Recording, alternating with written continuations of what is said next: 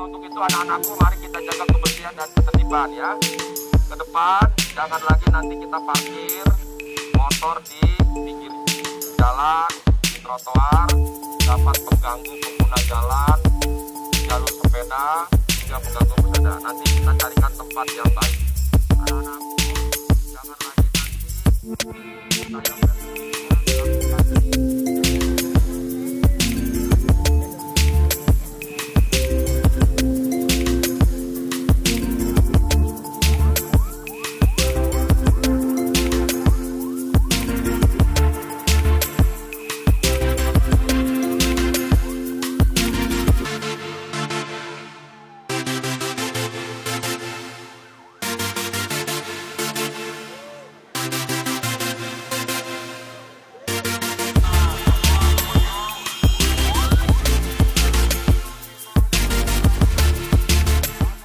nanti kita akan carikan tempat yang baik. Umpamanya bisa saja di Monas di Plaza Senayan yang baik. Di situ tempatnya luas, adik-adik bisa mau pesengit di situ, bisa bersilaturahmi bisa. Atau ada usulan dari DPRD di tim juga boleh, nanti juga bisa.